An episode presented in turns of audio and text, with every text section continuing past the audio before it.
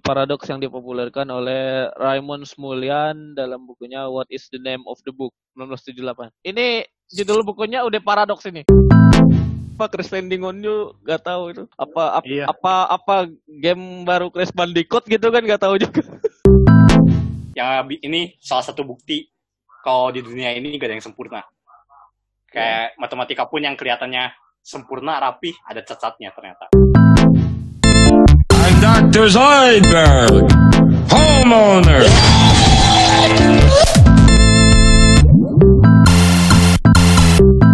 Selamat datang di podcast Bebas Linear episode 10 Eh, bersama saya Rizky dan Ma- gimana masih gabut?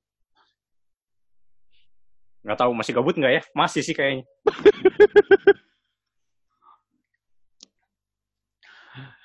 Ya, oke sebelum ke bahasan ini ada update apa nih? Apa aja lah, serah. Oh, ada kucing saya lagi beger. Selesai. Apa itu Buger? Gak tau gua. Oh, ya itu suka keluar nyari kucing betina. Lagi musim kawin lah. Oh, le lagi musim kawin. Ya, Lagi- dia jarang di rumah. Tapi masih itu gak gak gak ini. Gak apa gak kawin from home gitu. Gue udah bilangin, aduh, Me, physical distancing, Me. Jangan keluar-keluar. Lihat di jalan udah pada pakai masker. Dia gak mau pakai masker. Masker kucing.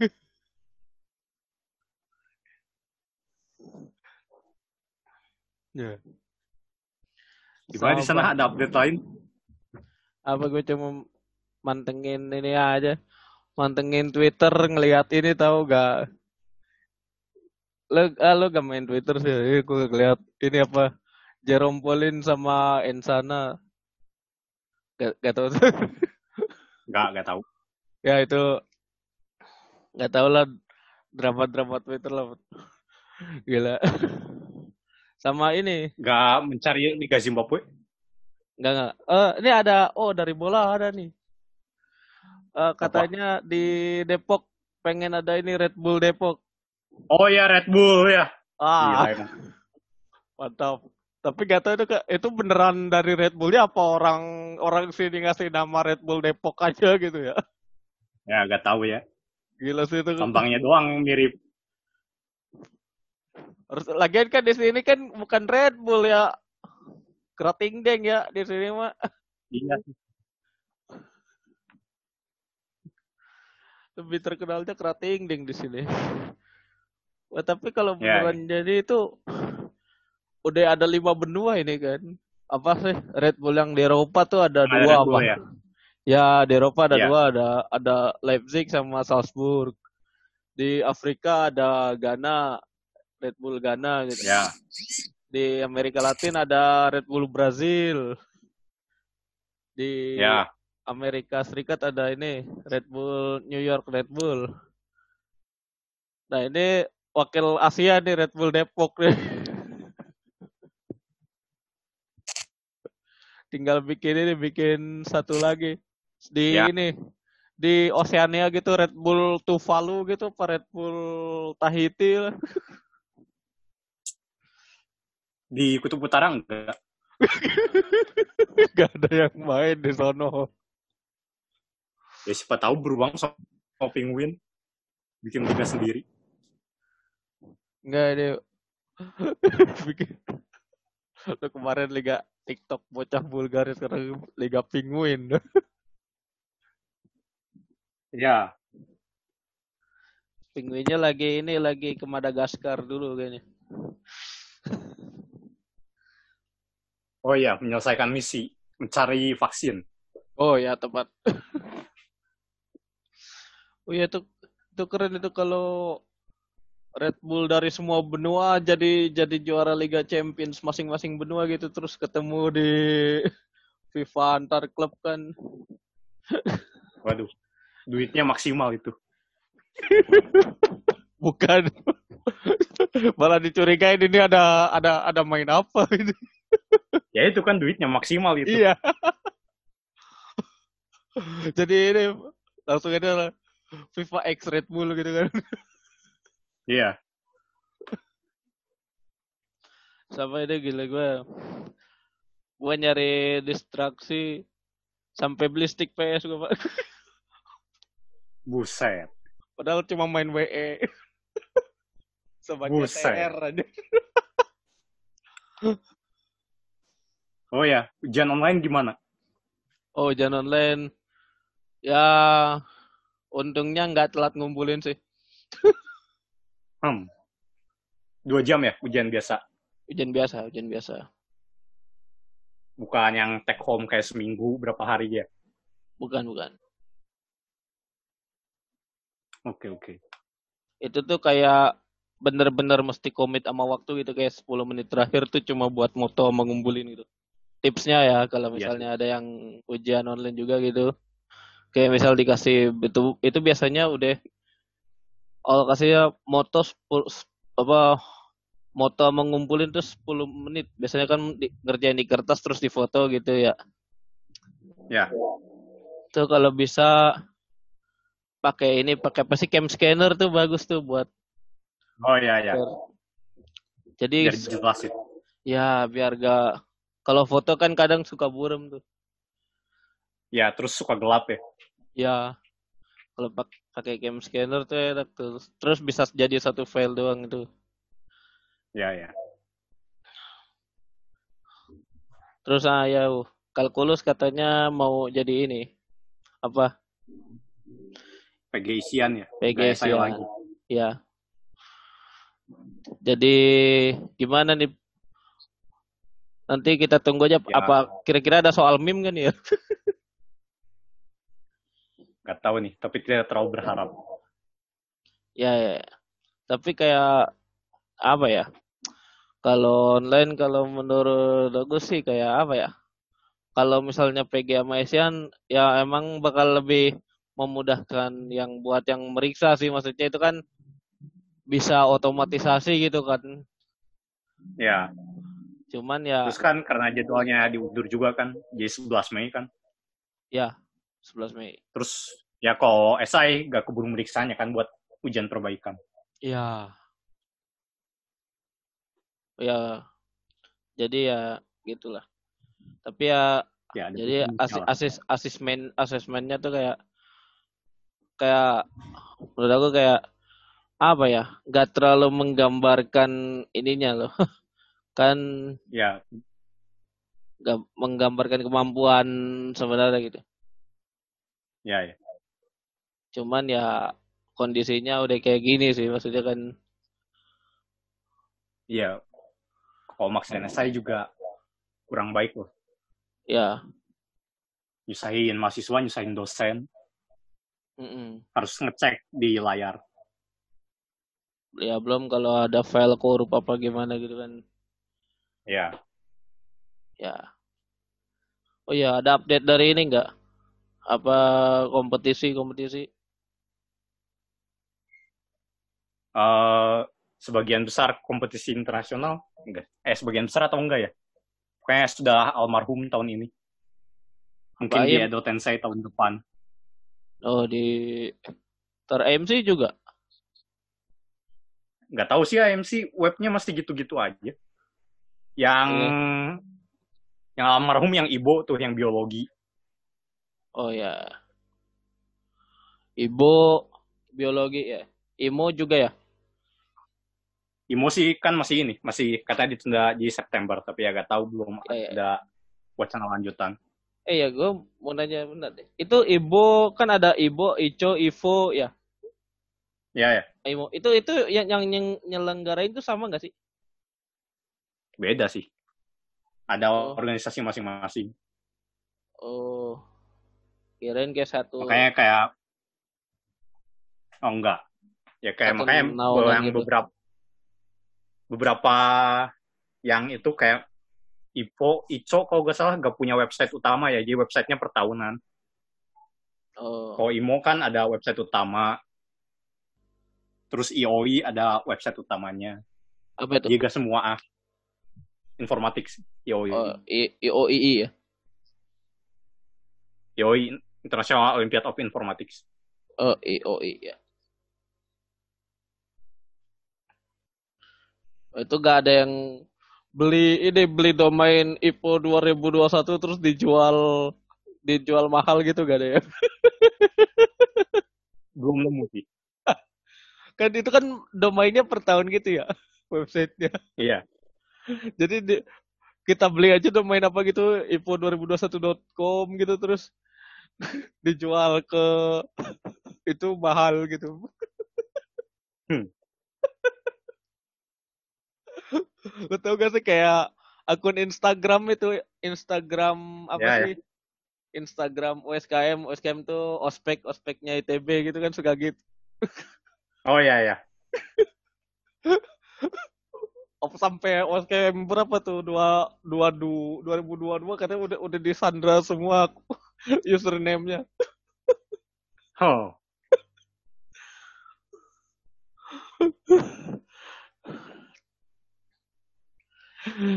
ya. Ya udahlah. Sekian update hari ini. Sekian update. Ya, kita langsung ke bahasan intinya saja. Hari ini kita bahas apa? Eh, kalau ada yang tahu band Paramore, ini mungkin saudaranya Paradox.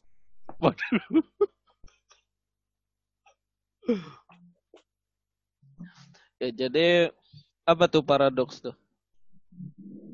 Mungkin saudaranya Paracetamol.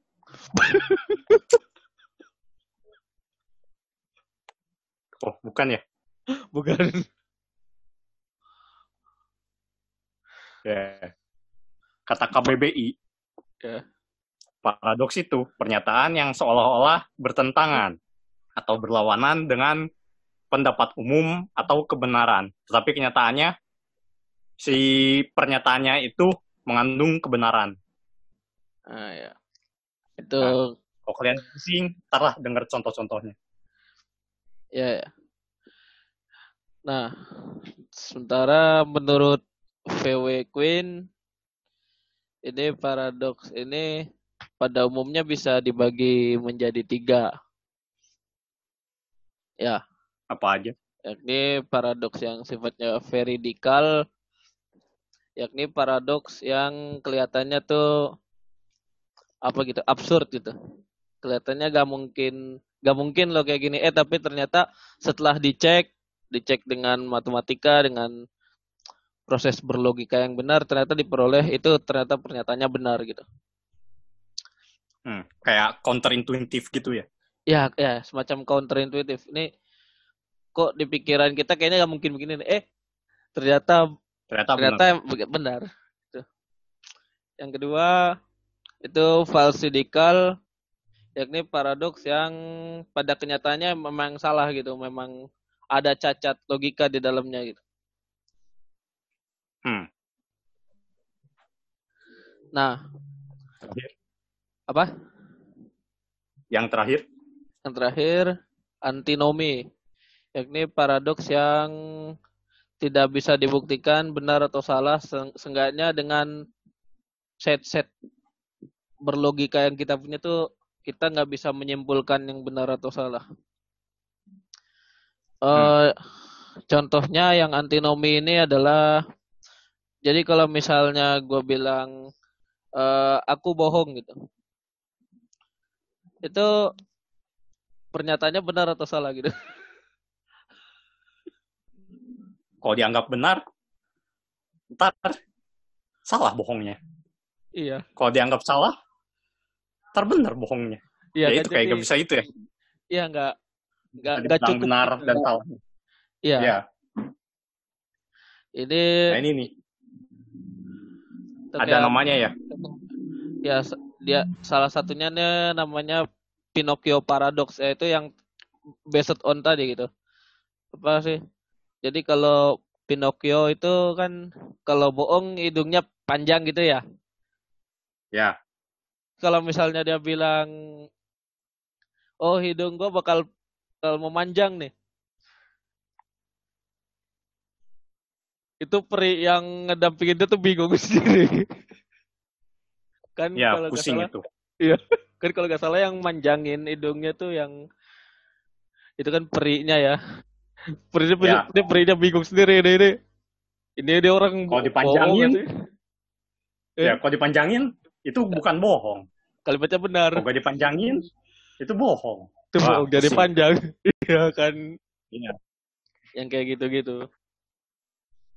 Nah ini nih makanya salah satu yang menarik dari matematika adanya paradoks.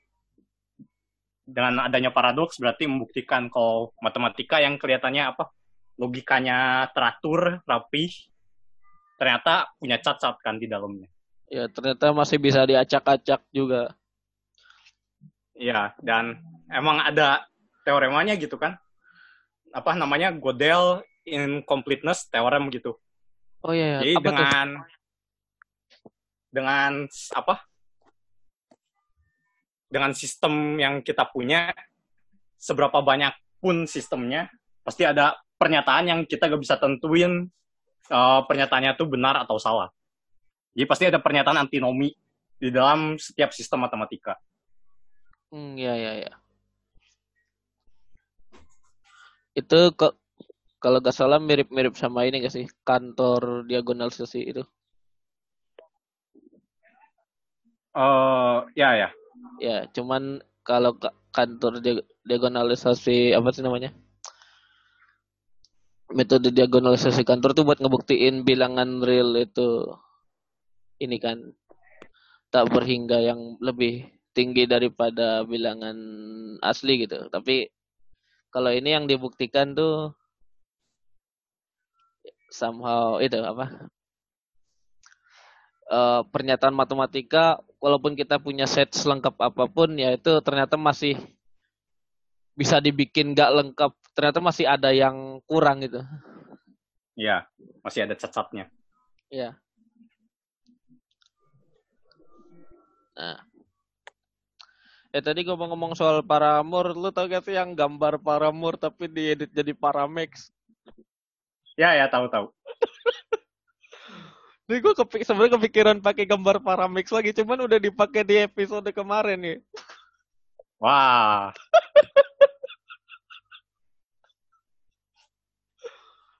Ya Udah gambar Paramore aja. Paramore, Paramore pusing kan. Ya. Paramore minum paracetamol. Oh. Dapat apa?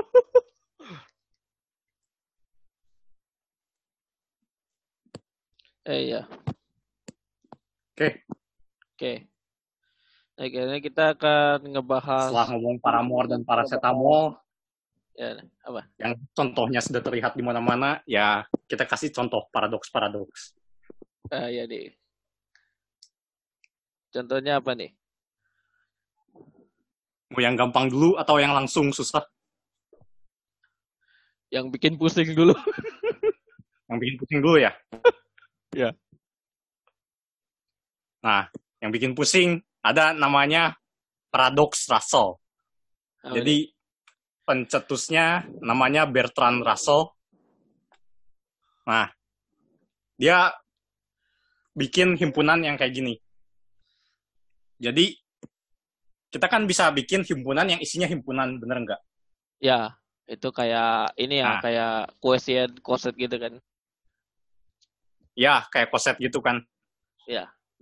Nah, jadi Russell ini bikin list semua himpunan yang si himpunan ini tidak terkandung di dalam dirinya sendiri. Nah, pernyataannya adalah kalau misalnya kita simbolin karena ini uh, pencetusnya Russell kita simbolin R gitu ya si Ya. himpunannya ini maka R anggota R jika dan hanya jika R bukan anggota R ah pusing kan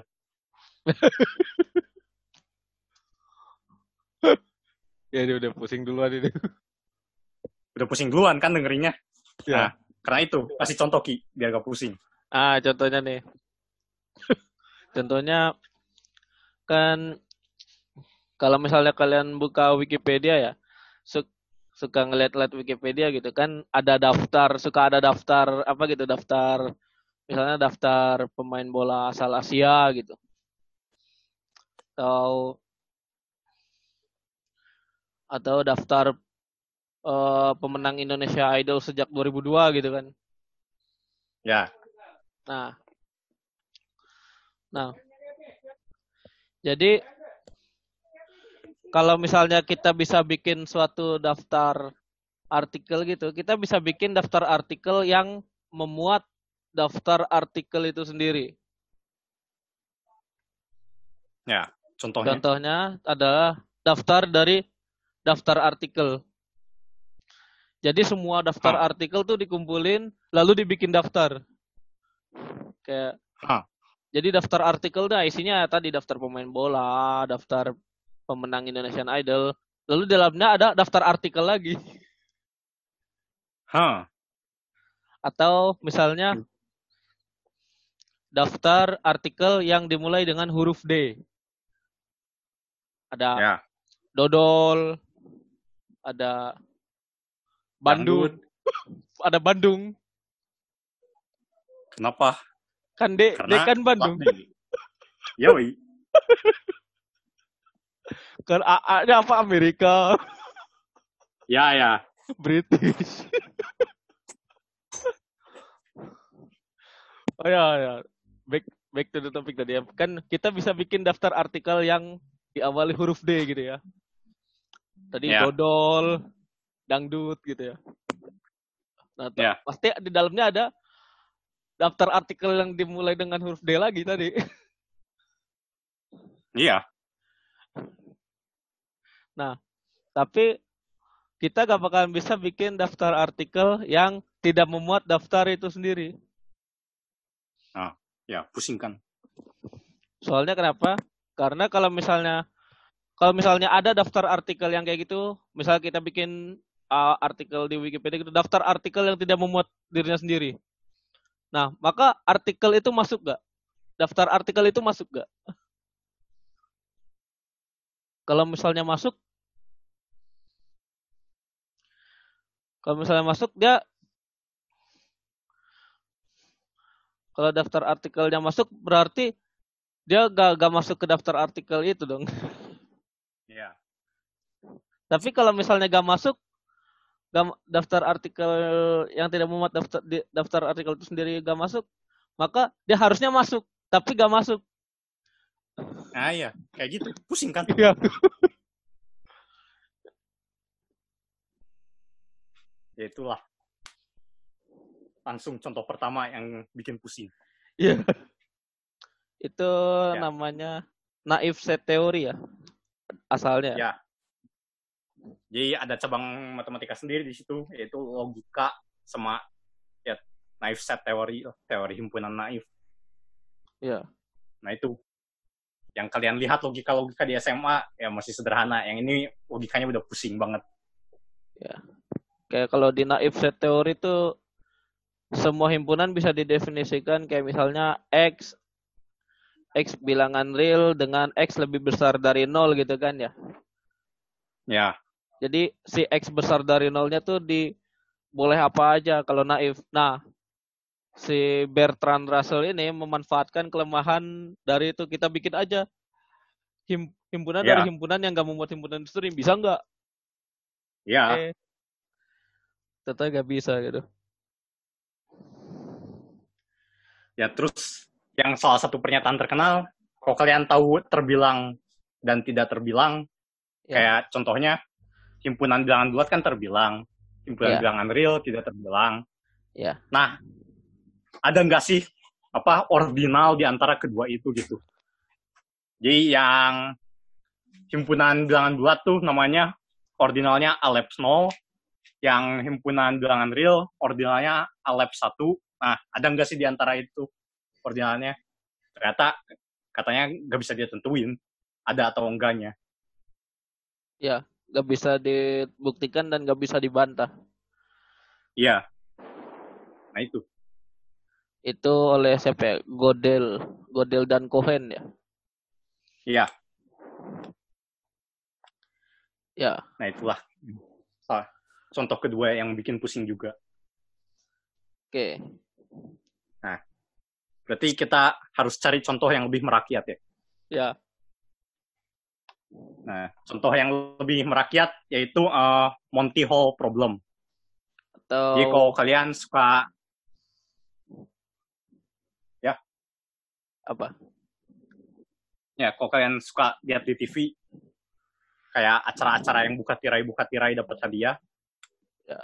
Nah, Super deal. ini Super. yes. Nah, ini contoh masalahnya dari Monty Hall. Jadi kita gak pakai kotak-kotaknya super deal ada kotak-kotaknya. Udah lah, Ya, kita Gak. tirai doang. Ada di kantong kanan saya, ada. Ada cincin, ada uang 10 juta. Gak, gak ada. Tirai aja, tirai. ya tirai aja tirai. Tirainya biasalah tiga. Ya. Nah, jadi ya kayak biasalah di tiga tirai kali ini mainnya cuma ada satu hadiah di tirai, dua lagi zong. Mm-mm. Nah, permainannya kayak gini. Ya biasalah kita milih yang mana yang ada mobil. Misal hadiahnya mobil. Ya. Terus eh, misal saya pilih tirai satu. Nah, si hostnya kalau misalnya tirai satunya zong juga gak mungkin kan dia langsung buka yang mobil kan. Pasti buka yang zong dulu kan. Ya. Nah, si hostnya ini buka yang zong. Jeng, dibuka zong. Berarti sisa dua pilihan kan. Ya yang zongnya Sisa- yang ini tirai dua atau tirai tiga misalnya tirai dua zong gitu. Misalnya tirai dua. Nah, kita tinggal tirai satu sama tirai tiga. Ya. Nah, sekarang sih biasalah. Si hostnya pasti nawarin, mau pindah nggak? Jangan-jangan zong juga lagi tirai satu kan.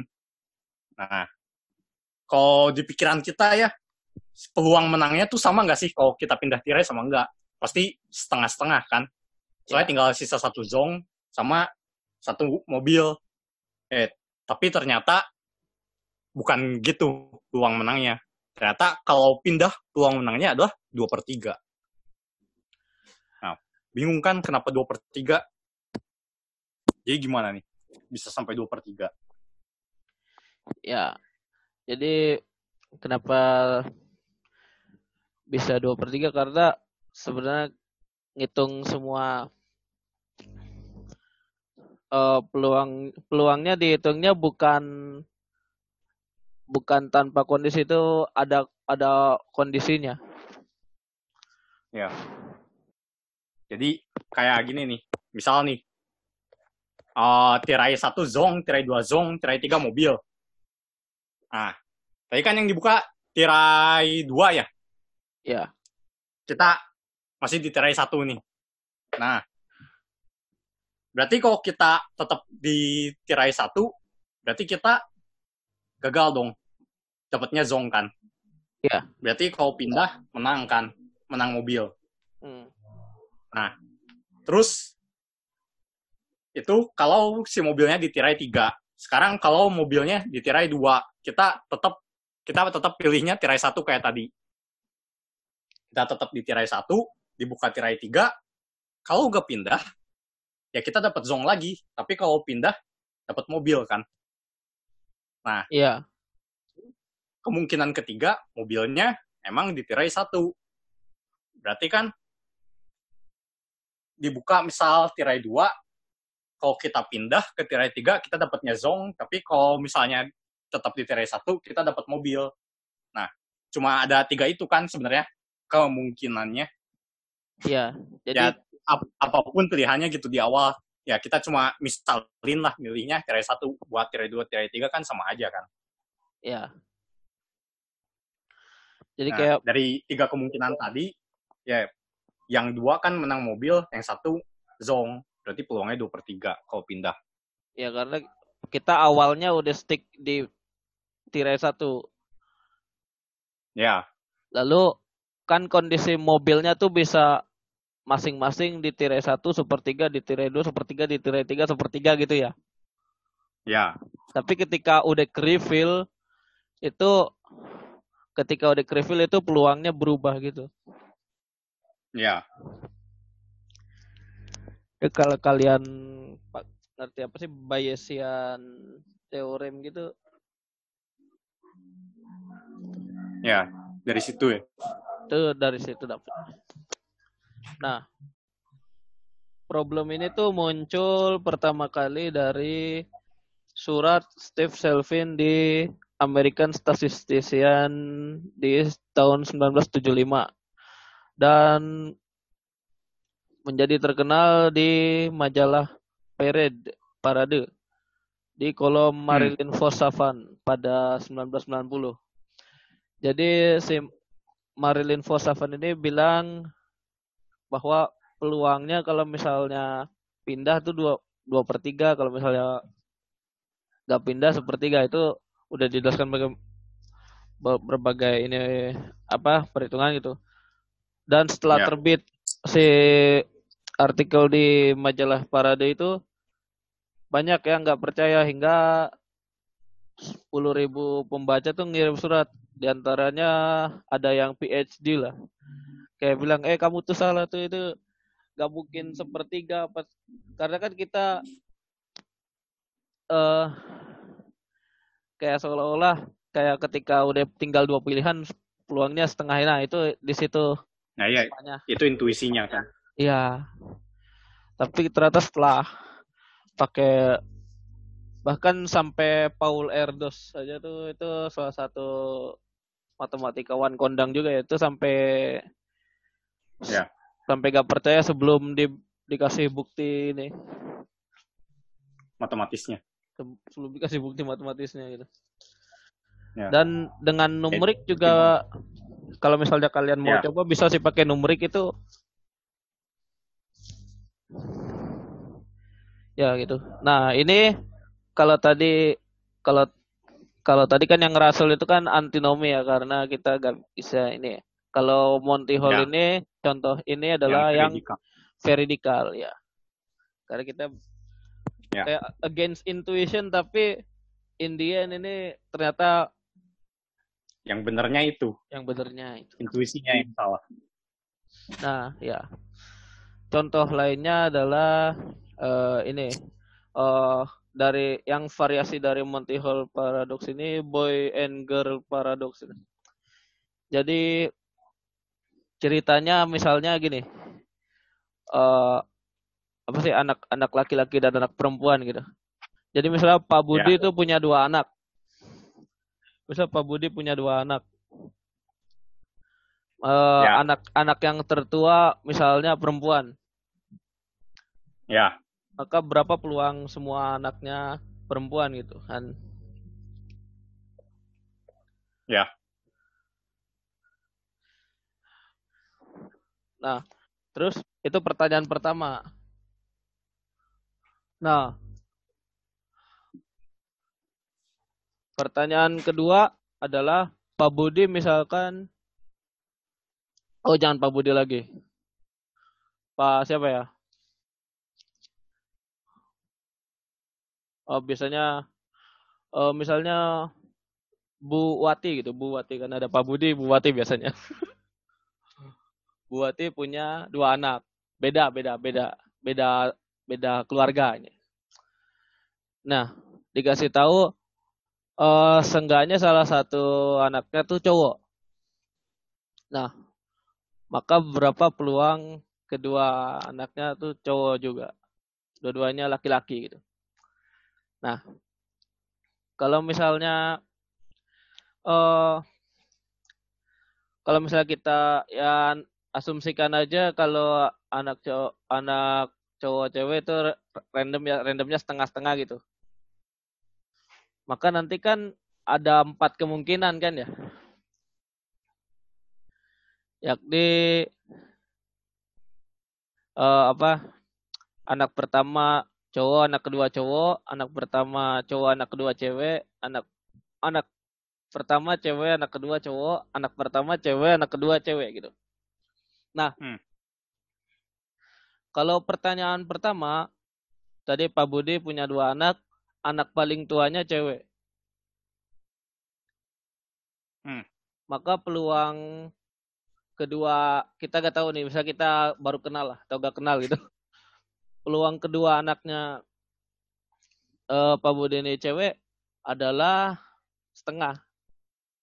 Karena Ya. dari semua peluang kan yang anaknya cewek kan ada dua ya. Cewek cewek Ya. cowok lalu cewek-cewek. Lalu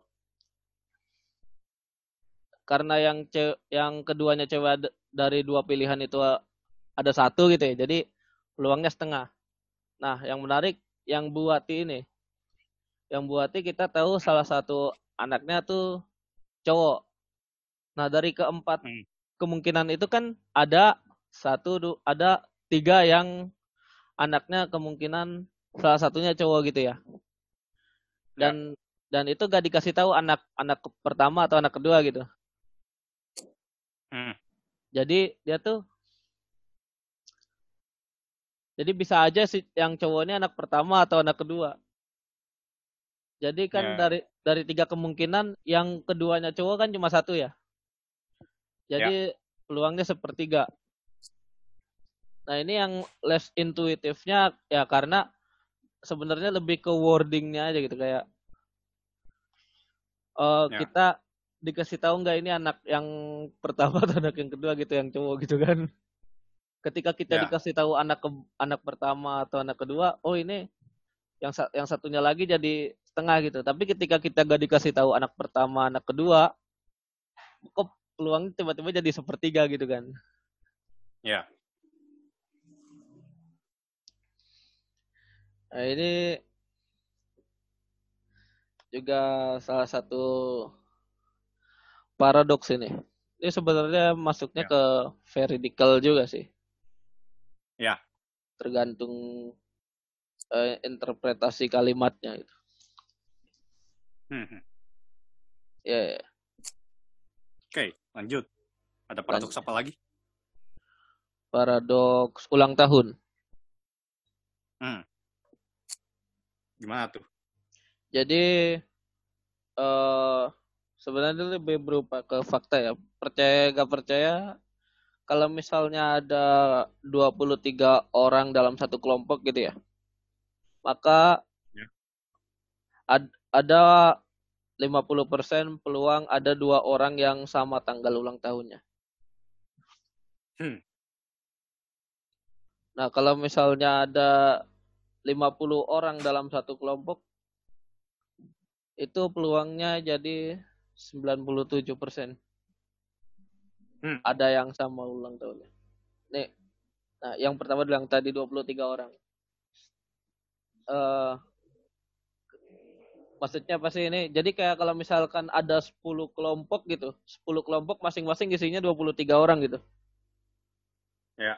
Tengganya ada sengganya sekitar lima kelompok tuh ada di an- dua orang di antaranya yang sama tanggal ulang tahunnya. Kenapa bisa? Karena gini, kalau misalnya kita pengen beda ulang tahunnya gimana? Ya, yang satu orang, orang pertama beda sama orang kedua sampai seterusnya. Ya, Orang kedua Misal- beda sama sama yang seterusnya. ya. Misalkan kayak misalkan tadi 23 orang ya. Jadi Ya. kalau misalnya kita pengen beda semua, nggak ada yang sama gitu ya. Eh Ya. Jadi orang pertama tuh punya pilihan 366 hari di satu tahun. Anggap ada tahun kehabisannya. Nah, lalu orang kedua cuma punya pilihan 365 hari gitu.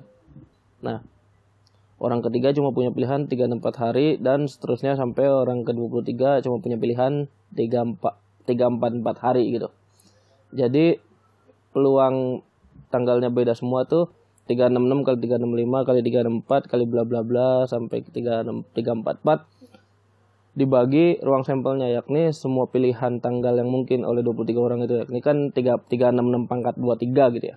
Jadi peluangnya tuh 365 366 kali 365 kali bla bla bla kali 344 per 366 pangkat 23 yang mana itu mendekati 50%.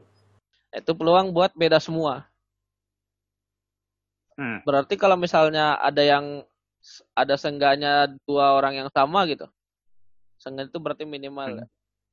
Berarti dikurang satu dikurang itu aja kan. Ya, Nah, itu kalau misalnya kalian hitung itu nilainya di sekitar 50% atau 0,5. ya. Nah, ya kayak gitu. Lebih gampangnya ngitungnya pas semua ulang tahunnya beda ya. Iya,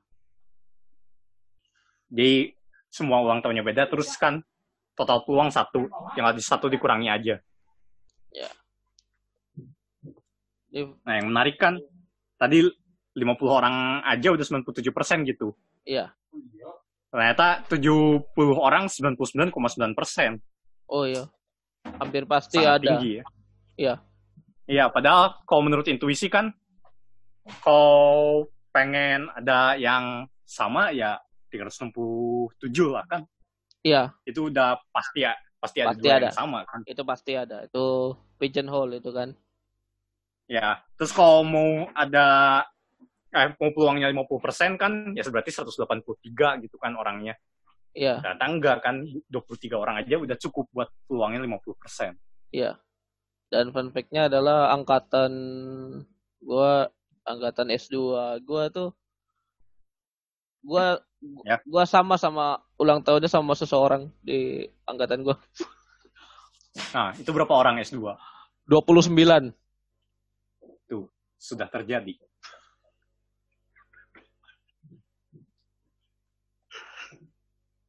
Ya. Cowok cewek? Cowok. Ya, kecewa. Ya udahlah ya. Gak bisa bilang kita sudah ditakdirkan. Wah. Ya, ini contoh yang veridikal juga ya.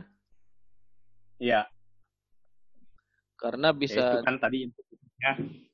Kalau mau 50% kan 183 orang minimal. Terus kalau mau yang pasti kan 367. ya Terus kalau mau misalnya mau sangat-sangat akurat ya kayaknya 360-an lah ya. Ternyata ini 70 aja udah cukup tinggi kan 99,9 persen. ya Terus 23 orang aja udah 50 persen. hmm. Ya oke lanjut. lanjut ada paradoks Nah, kentang paradoks kentang. Bingung kalian. Kok kentang jadi paradoks? paradoksnya tanggung kentang Hmm. Oke. Jadi isi paradoksnya gini. Kalian punya kentang 100 kg. Nah, terus isi airnya tuh 99% dari si kentangnya. Iya. Terus kalian mau keringin biar si air yang di kentangnya tuh sekarang 98%. Nah, berapa masa kentang yang tersisa kan setelah dikeringkan? Iya. Ya, harusnya kan kira-kira 99 kilo atau 98 kilo lah ya. Ternyata enggak kan. Masa kentang yang tersisa cuma 50 kilo, setengahnya. mantap Bingung kan? ya Nah, ini le- lebih mudah penjelasan matematisnya. Ya. Nah, Gimana? kayak kalian misal apa? Setelah dikeringkan, eh si kuantitasnya, jadi satu kilo potato ada 98 per 100 X air kan, karena 98 persen kan. ya Berarti si persamaannya jadi 1 plus 98 per 100 X sama dengan X kan. Mm-mm. Terus dapatnya X per 50 sama dengan 1. Berarti X-nya 50 kilo. Iya. Mengejutkan. Jadi, ya saya kayak soal ini soalnya kayak kenapa bertentangan dengan intuisi soalnya kita mikirnya kayak ngeringin itu karena di sini kalau mengeringkan itu kan sebenarnya yang keluar air aja gitu ya Ya, Jadi kayak kalau misalnya kentangnya dipisah gitu, dipisah aja misalnya 100 kilo kentang yang bersih 99 air tuh berarti apa sih? Misalnya berarti 99 kilo tuh air isinya. H2O gitu. Terus satu satunya ya kentangnya. Apanya sih? Zat padatnya. Terus kita pengen sehingga tinggal memuat 98% air. 98% air tuh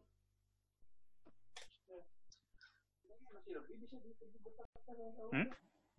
98% air tuh berarti eh 49 bagian air da- dan satunya sisa zat padatnya.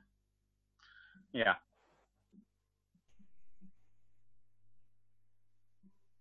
Nah itu makanya intuisinya kan kayak gak mungkin si kentangnya nyusut sebanyak itu kan. Iya.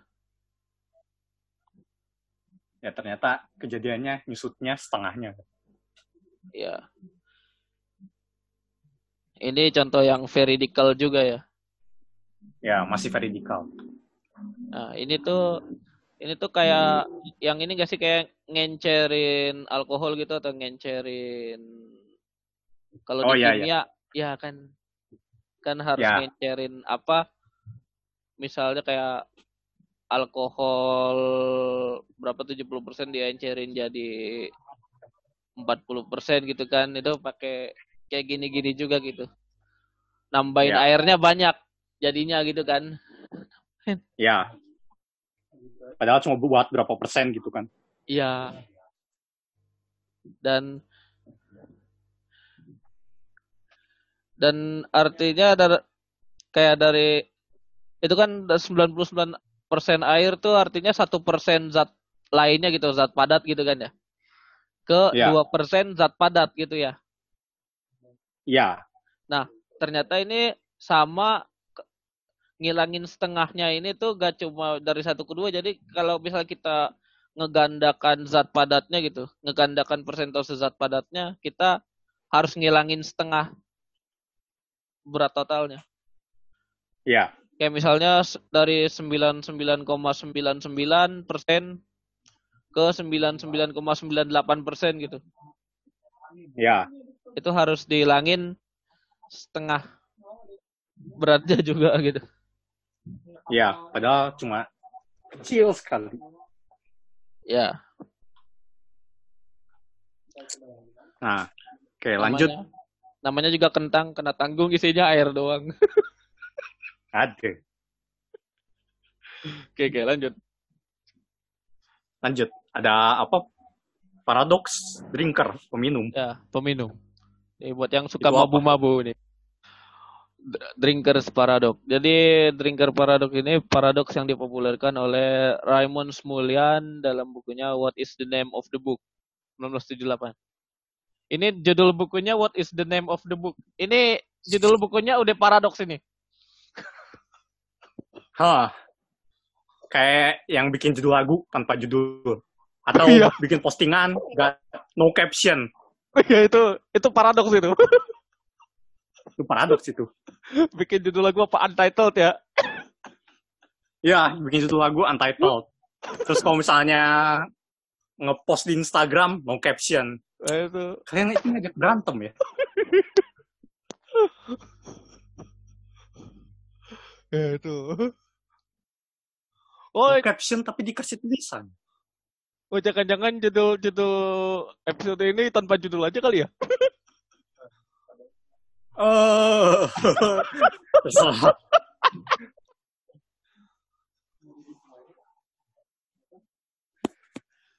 Oke, jadi paradoks peminum ini ngapain?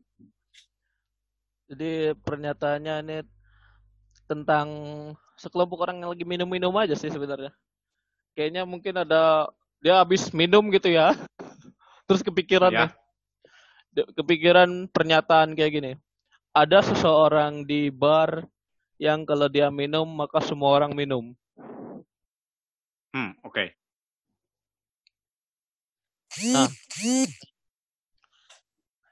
Ini sebenarnya lebih ke apa ya pernyataan yang me- apa menggugah logika aja sih kan karena apa sih logika jika maka gitu loh.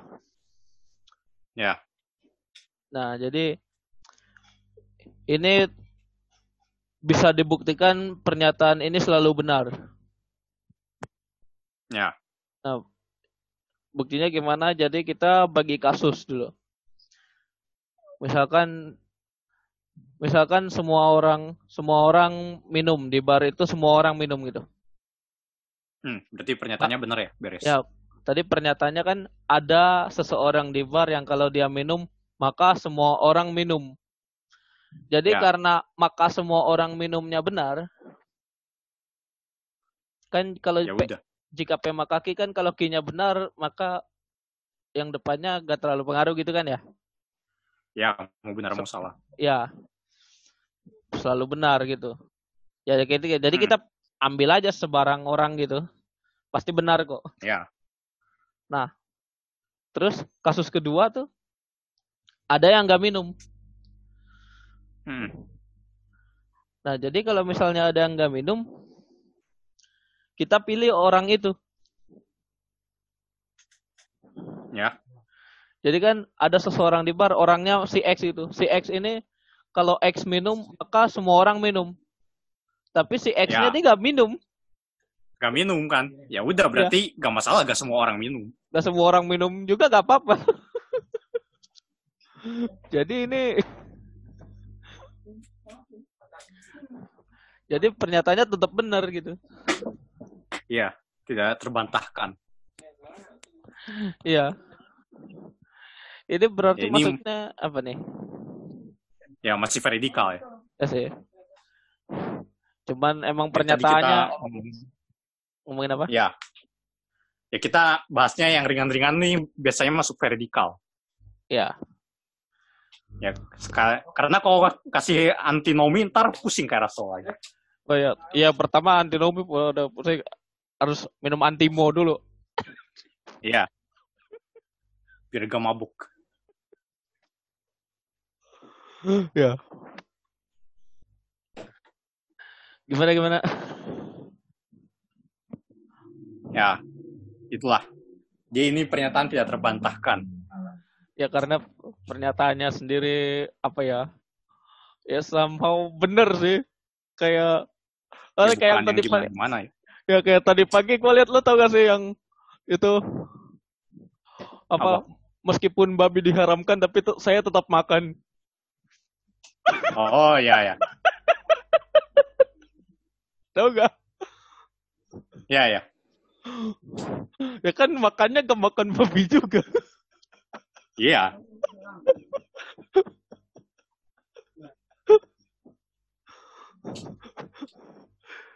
Iya ya. Itu. Main, main teasing logic itu emang Wah, kadang-kadang pernyataan keren aneh. Ya, Iya, iya. emang pernyataannya aneh aja tapi emang bener sih maksudnya ya kayak gitu.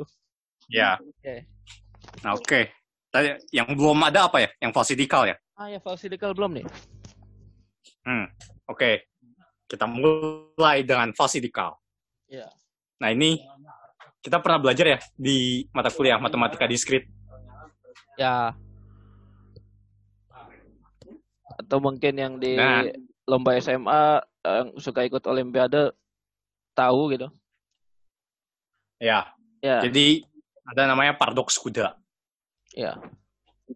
Nah, ini nih udah kentang kena tanggung paradoks kuda lagi. Ya. Oh ya.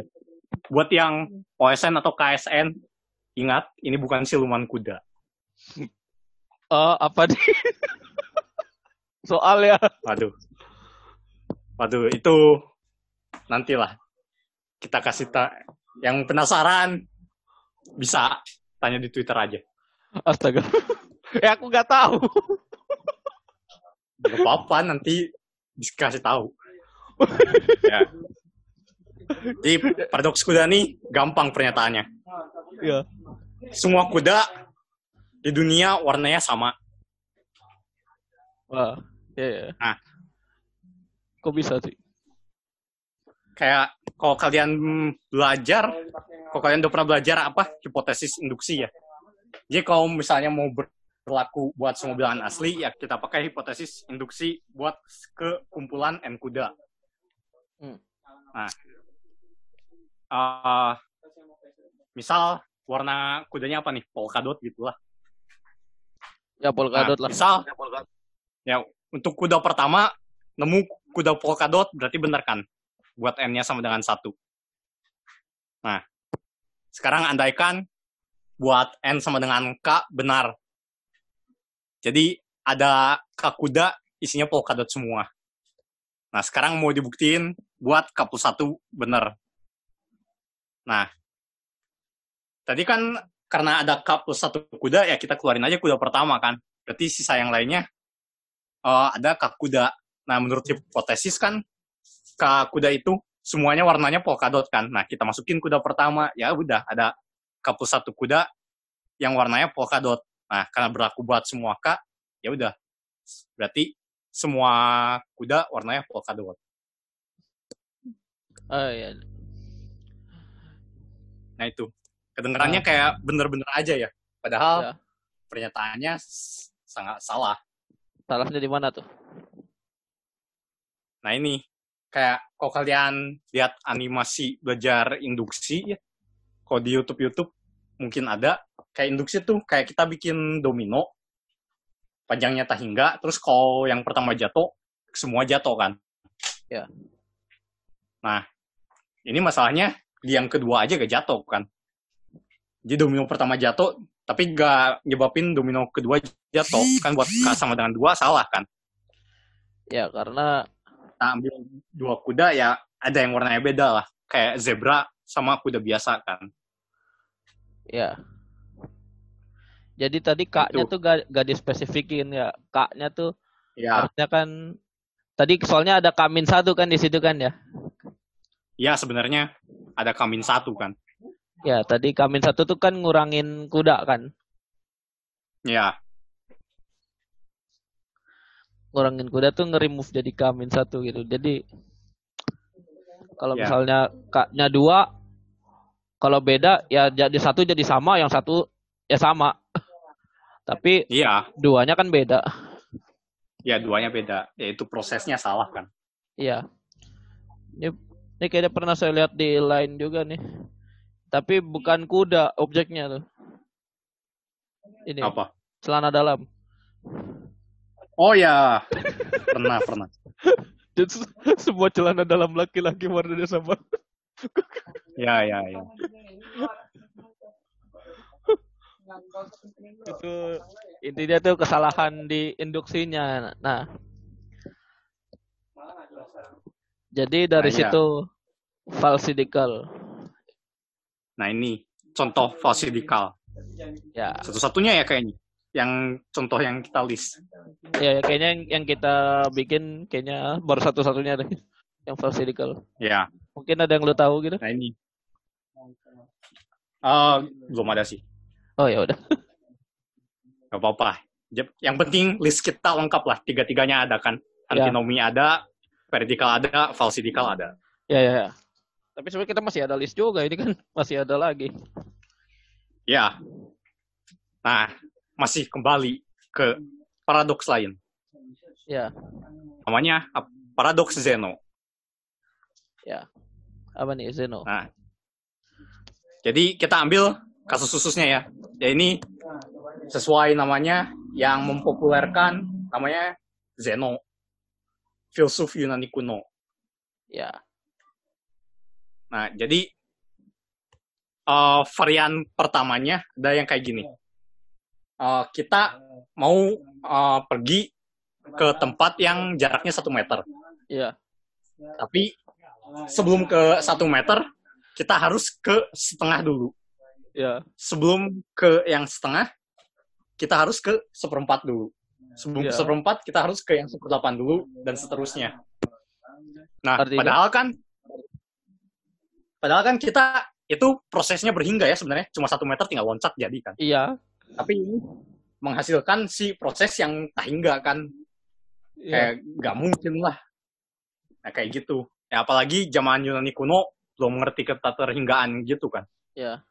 Kayaknya keterhinggaan kayak kayaknya mereka stuck di keterhinggaan kayak sampai abad ke 1600-an gitu lah sampai Ya, kalkulus ditemukan Makanya. gitu jadi mereka baru dealing with keterhinggaan itu. Ya. Itu mah alasan aja dia mager kali gak mau gerak Ya, ya. bilangnya ah ini membutuhkan terhingga langkah jadi mager. Iya. Loncat jadi kok. Sekarang yang loncat bisa berapa? 7 meter, 8 meter ya? Iya loncat indah Yang berapa ya? Yang loncat indah apa lagi itu berapa? Bilang aja, aduh saya mager. Ini mah iya nanti dijadiin alasan buat ini lagi kaum, kaum rebahan lagi. Iya. Ya tapi saat ini kaum berbahan sangat dibutuhkan. Oh iya kaum kaum rebahan jadi pahlawan ya sekarang ya. Iya. Zaman dulu pahlawan apa? Pakai tombak, bambu runcing, pakai Iya. pistol. Sekarang pakai kasur. Pakai Netflix. Oh iya, pakai Netflix. Aduh, maaf gak punya. Eh sama.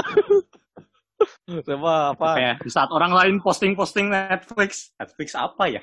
Netflix apa ya? Tidak tidak relate ya. Apa tuh Crash. Landing on You? Apa Crash Landing on You? Gak tahu itu.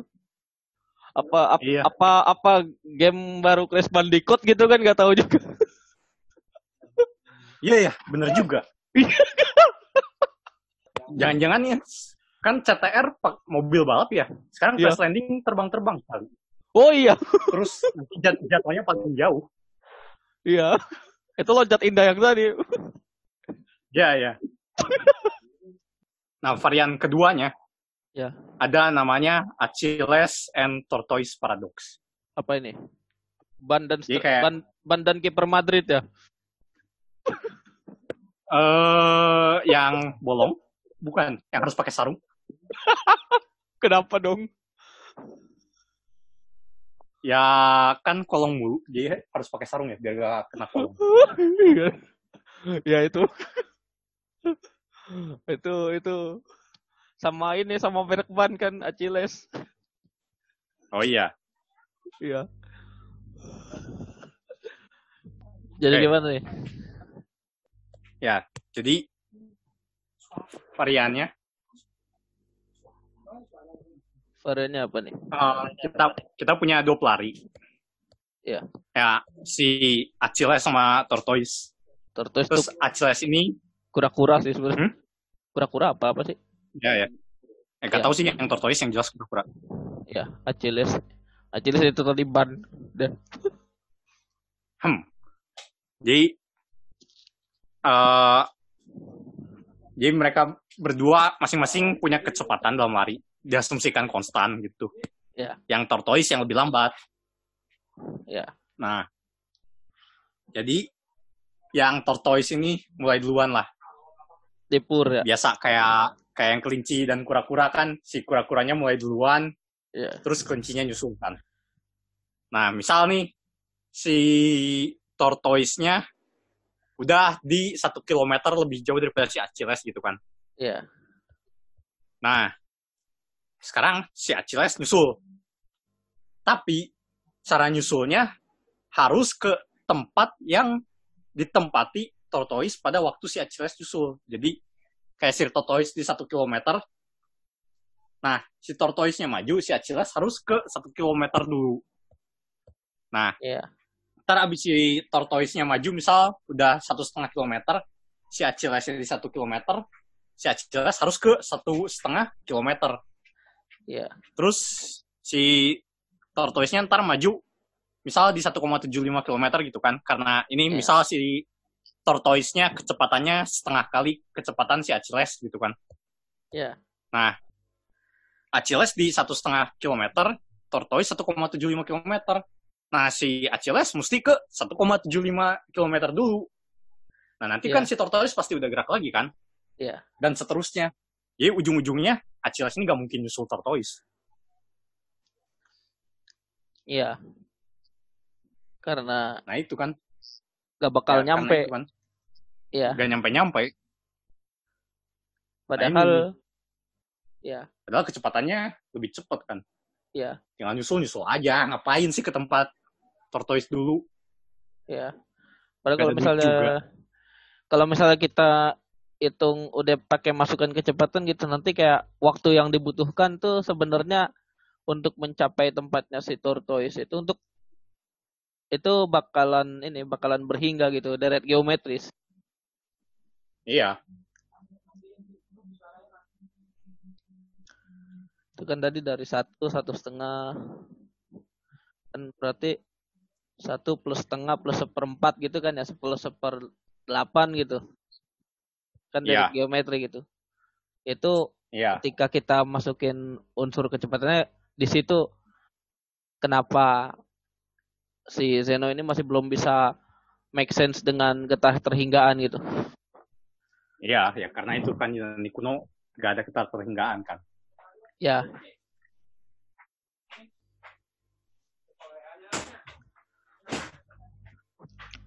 Nah itu menarik sih yang ini. Ya Kayak prosesnya berhingga, tapi J-nya tak berhingga kan. ya ada kayak sesuatu yang ini kita udah mulai bahas paradoks-paradoks yang melibatkan kata terhinggaan ini. Jadi kayak Iya.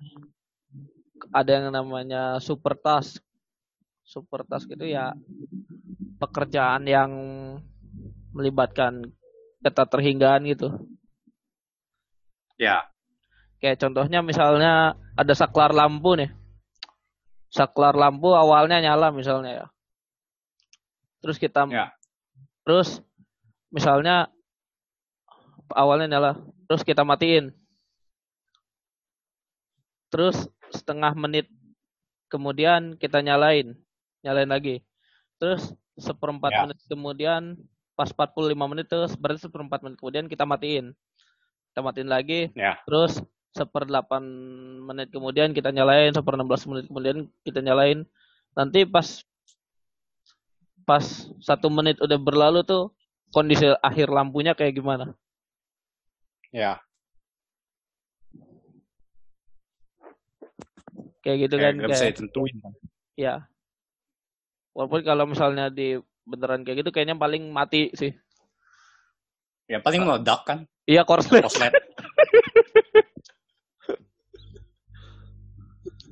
Ntar paling dimarahin orang tua. Ngapain kamu? Main lampu. Nih. Iya.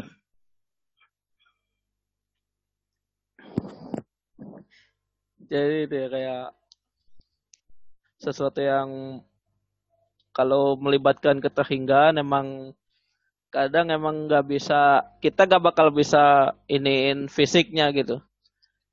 Ya.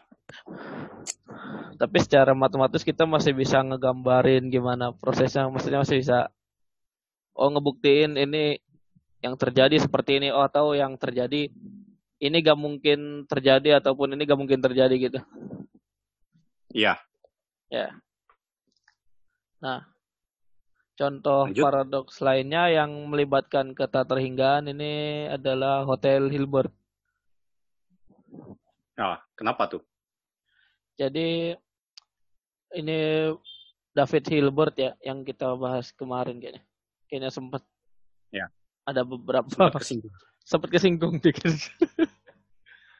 kita harus bahas itu. Ya, jadi Pak Hilbert nih punya ceritanya ya, ceritanya punya hotel isinya eh kamarnya dinomorin dari satu dua sampai seterusnya. Jadi sampai tahingga lah. Tahingganya tahingga yang Oh. bilangan asli.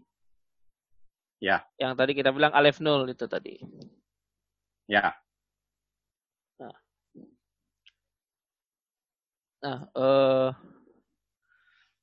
terus bisa jadi ceritanya pada suatu malam hotelnya tuh penuh. Hmm. Terus ada satu keluarga pengen apa booking satu kamar. Ya. Eh ternyata masih bisa.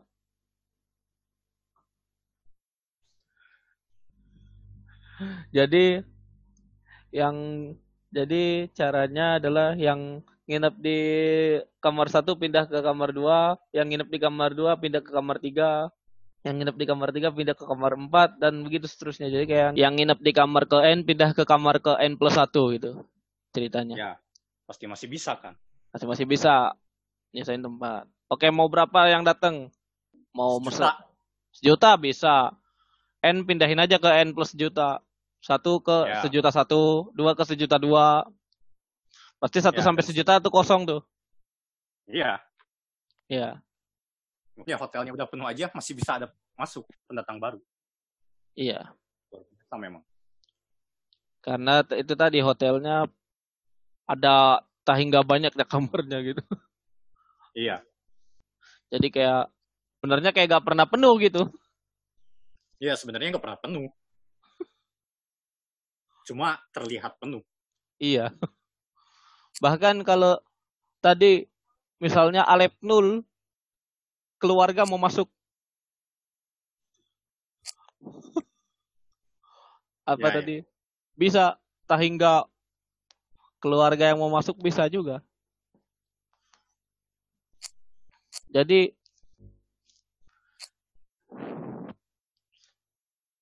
jadi yang di kamar ke N pindahin. Ya, jadi yang di kamar ke N pindahin ke kamar yang 2N. Jadi Iya. yang di satu pindah ke dua, yang dua pindah ke empat, Yang keempat, yang ketiga seterusnya. pindah ke enam gitu ya. Jadi nanti yang ganjil kan kosong semua nih. Dimasukin semua. Iya. Iya. Bahkan ya, bahkan ya rombongan bis misalnya bis satu bis isinya tahingga gitu. Tahingga Alef Nul, Ya. tahingga bilangan asli. Ya, Sat- Masih bisa rombongan ya? bis rombongannya juga tahingga masih bisa Nah, masih Itu. Makanya caranya Alef nul tambah Alef nul, ya Alef nul lagi. iya itu alef nul kali alef nul bahkan sih. Ya. itu jadi caranya ada kalau misalnya kalian tahu mungkin ada yang diagonalisasi tahu kan? Ya, ya. tapi ada yang lebih intuitif ya. Ada yang intuitif. Jadi eh gini. Kamar yang sekarang penghuni kamar yang sekarang pindahin ke dua pangkat n Ya. jadi satu pindahin ke dua dua pindahin ke dua kuadrat tiga pindahin ke keempat. dua pangkat tiga gitu Ya. jadi Ya udah Lalu- pasti kosong kan? Lalu, tar dulu. Lalu rombongan bis pertama pindahin ke tiga pangkat N. Ya.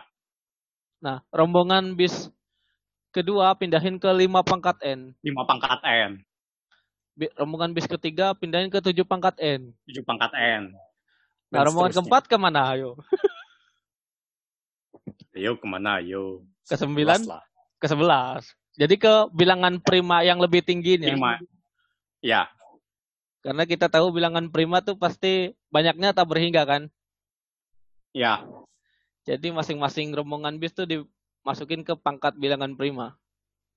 Dan itu Ya. bahkan masih sebenarnya masih ada yang kosong itu. Ya bener. Satu kosong. Dua kali Ya. tiga kosong. Perkalian Ya. dua prima kosong tuh. Iya. Makanya menarik ini. Iya, Hotel yang kelihatan penuh tapi tidak penuh. iya. Tapi ya gak enak itu hotelnya kasihan itu tiap malam nak nak bangun nah, itu kita pindah. Iya. Belum juga menikmati fasilitas hotel udah disuruh pindah ya.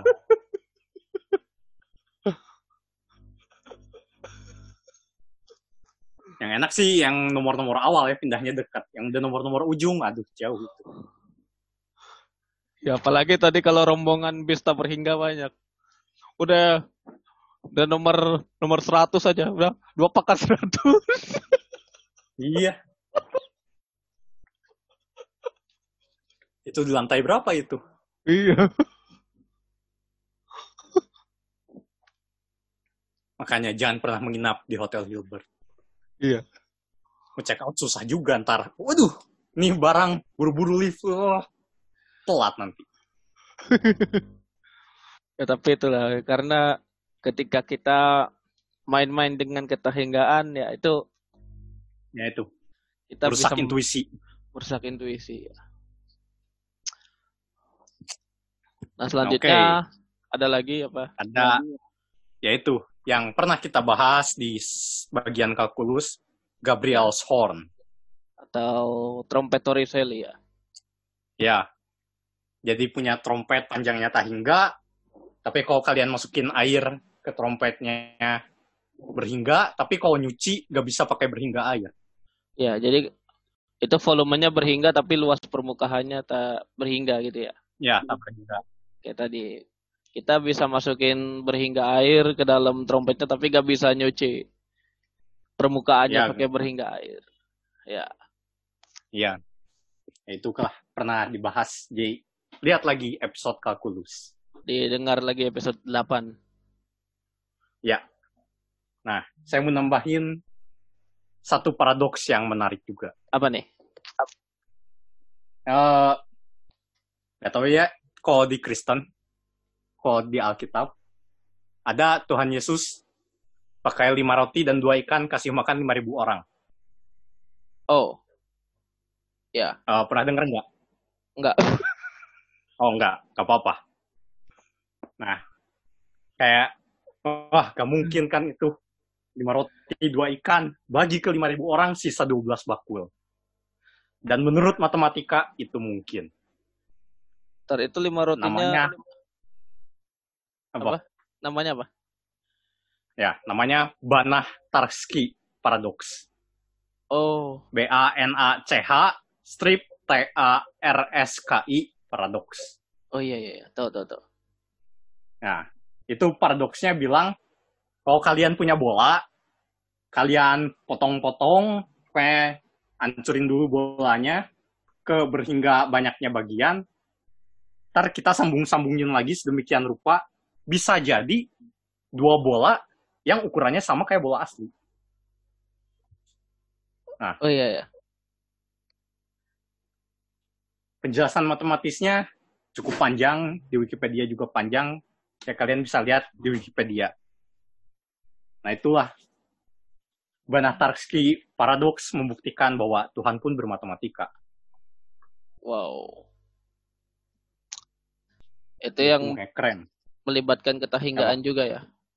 Justru ini berhingga aja cukup. Oh, iya. iya. Kayak ya sketsa kasarnya. Kayak kalian punya bola, terus kalian dekomposisi jadi berhingga buah apa himpunan yang irisannya kosong. Terus kalian punya transformasi isometri di himpunan yang lebih besarnya.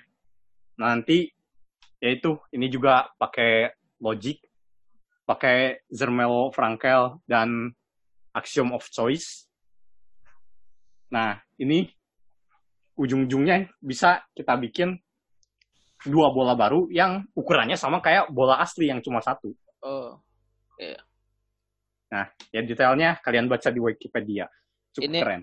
ini yang kayak gini gak sih yang ada jadi kita bikin kamus dari semua kata yang mungkin mungkin diketik atau mungkin dituliskan ngerti nggak? Itu gimana? Jadi kayak misalnya misalnya kamus misalnya kita bikin kamus A gitu. Kamus yang Ya. isinya kata-kata yang huruf depannya A ada A apa pun yang bisa diketik yang huruf depannya A gitu. A A A gitu. A A A gitu. Oh ya, Terus nanti AB ABB ya, ABA AB ABAA gitu. ya, ya. Terus, Nah, lalu kita list semua dari A sampai Z Mhm. gitu. Lalu, lalu kita bikin Mhm. kamus yang isinya A aja gitu. hmm, Nah, kalau misalnya kita hilangin A-nya, itu tuh kita dapat itu tuh kita dapat semua kata lagi. oh ya, ya, Karena kan ya, bisa dibilang mirip lah. jadi kayak ya tadi kayak ada kamus dari A sampai Z, semua kata yang mungkin diketik gitu. Ya. Terus kita bikin volume A dengan meng- volume A itu nanti akan sama dengan A sampai Z juga. Iya. Ya itu Kayak kan, gitu kan. kayak dipecah. Dipecahin balik lagi ke yang asli kan. Iya, kayak gitu. Nah iya. Mirip-mirip. Ya, ya. Nah, itulah makanya. Salah satu kerennya paradoks yaitu bisa menjelaskan fenomena yang aneh. Dan kedua, yang ini salah satu bukti kalau di dunia ini gak ada yang sempurna. Kayak matematika pun yang kelihatannya sempurna, rapi, ada cacatnya ternyata. Iya. Tapi ya ngomongin soal paradoks ya. Ya. Kalau paradoks non matematika nih, ini yang kita bahas paradoks lain yang non matematika yang gua gua salah satunya paling inget. Ya. Soalnya ini tuh jadi apa ya? Foundation salah satu foundation dari pop pop culture gitu gitu. Paradoks ini. Ya. Paradoks grandfather paradox. Itu gimana? Jadi tahu gak ini yang ini non matematika sih. Jadi kayak kalau misalnya kita pergi ke masa lalu terus membunuh kakek kita gitu. Oh iya, Tahu kan? terus ceritanya gak ada kan? Ya. Ya, satu lagi ya, kitanya kitanya gak ada karena apa sih? Ayah ayah gak ada, terus kak- kakek gak ada gitu kan. Ya, ya. Ayah ibu gak ada, kakek gak ada gitu. Tapi kalau misalnya kita gak ada yang ngebunuh siapa? Iya, iya, iya. Itu soalnya itu soalnya kayak jadi itu melahirkan beberapa teori kan. Jadi ada ada dua apa ya? Ada dua atau tiga gitu. Jadi kayak apa teori yang pertama tuh teori apa sih causal loop gitu. Jadi kayak semua hal itu udah bisa di ada sebabnya gitu jadi kayak gak mung- kalau misalnya berusaha membunuh kakek di masa lalu tuh pasti ada aja yang ngalangin gitu yang kedua Ya. alternate alternatif reality gitu Ya, alternative universe gitu lah. Iya. Dan itu tuh jadi foundation di pop culture, di film, di buku. Ap- coba film yang Ya, pakai ya. itu banyak kan apa? Apa Avenger Endgame pakai time travel juga kan? Oh, nggak tahu, nggak nonton Avenger. Ada ada ada ada time travel ya. Ya, terus ada apa ya? Oke. Terminator, Ah, Back to the Future. Eh, banyak lah Oh. itu. menarik, menarik. Nah, kalau lu paradoks yang yang non matematika ada yang lu tahu nggak kira-kira? Enggak sih, itu pertama kali denger yang non matematika, yang grandfather. Oh iya, itu itu paradoks yang terkenal juga sih. Ya, deng- dengernya Paramore sih. Paradoks. Kayak yang ini yang di di Harry Potter juga Harry Potter kan ngebantu dirinya di masa lalu Oh, iya. dengan informasi gitu. Dia ngasih informasi gitu. Yang jadi masalah, yang jadi paradoksnya tuh dia da- Ya, dapat dari mana pertama kali dapat informasi, informasi, itu? kan? Iya, Iya, dia pertama kali dapat informasi dari dia apa dari dia sendiri. Dia sendiri sebelumnya dapat informasi dari siapa gitu. iya, iya. itu itu itu yang Makanya, ya, saya juga pernah baca komik yang time travel, nonton serial yang time travel gitu. Dia musingin sendiri gak sih? ya ya, itu terus kalau misalnya ada sesuatu yang tidak bisa dijelaskan dengan fisika biasa kuantum Iya, kuantum. langsung apa sih yang meme itu flex flex step langsung Iya, iya. pakai kuantum Bukan kuantum bacanya. Kuantum. iya Spasi antum. Jadi oleh Anda. iya Nggak, kalau kalau kalau di ini kalau di Bandung kumaneh ya Ya, kumane. Karena ini mungkin lebih syar'i, makanya kuantum. kuantum Gak dong Enggak ya? kuantum ini kuantum kalau gak kompor ini merek LKS tau gak LKS Gak pernah pakai. Eh, Nggak tahu deh. LKS SMA kayaknya LKS. dipakai dikit doang. SMP. SMP gak pakai LKS. Ya, itu merek LKS SMP dong Bandung. Kalau enggak merek kompor dah. Ya, merek kompor sih. Iya gitu. ya. Ada tambahan nggak? lagi? Udah, Enggak sih, udah, dari saya. udah cukup kayaknya. Oke. Ya. Oh ya. Karena karena minggu depan eh ini karena kita nge-record ini sebelum bulan puasa ya. Dan Ya. kayaknya kayaknya sebelum karena kayaknya pas tayang udah bulan puasa. Ya. Ya, jadi kami mengucapkan selamat menunaikan ibadah puasa bagi yang menunaikan. Ya. Bagi yang tidak, ya usah makan di depan orang yang puasa. Ya. Ya kita saling menghormati aja lah. Ya, yang penting kalau lebaran bagi ketupat ke semua. Ya. Tapi tetap memperhatikan ini juga ya, anjuran pemerintah ya. Ya. Oh ya, jangan mudik, jangan lupa. Ya kayaknya kalian yang yang sudah ter- terlanjur terjebak di luar kota, ya saat ini jangan mudik dulu lah. ya tahu kalau kalian mudik ya karantina diri 14 hari. Ya, Kalau terpaksa mudik gitu ya. ya. Ya kalau bisa ditunda dulu lah mudiknya lah. Oke. Iya. Oke, sekian tuh sekian dari kami. Eh, sampai jumpa di episode berikutnya.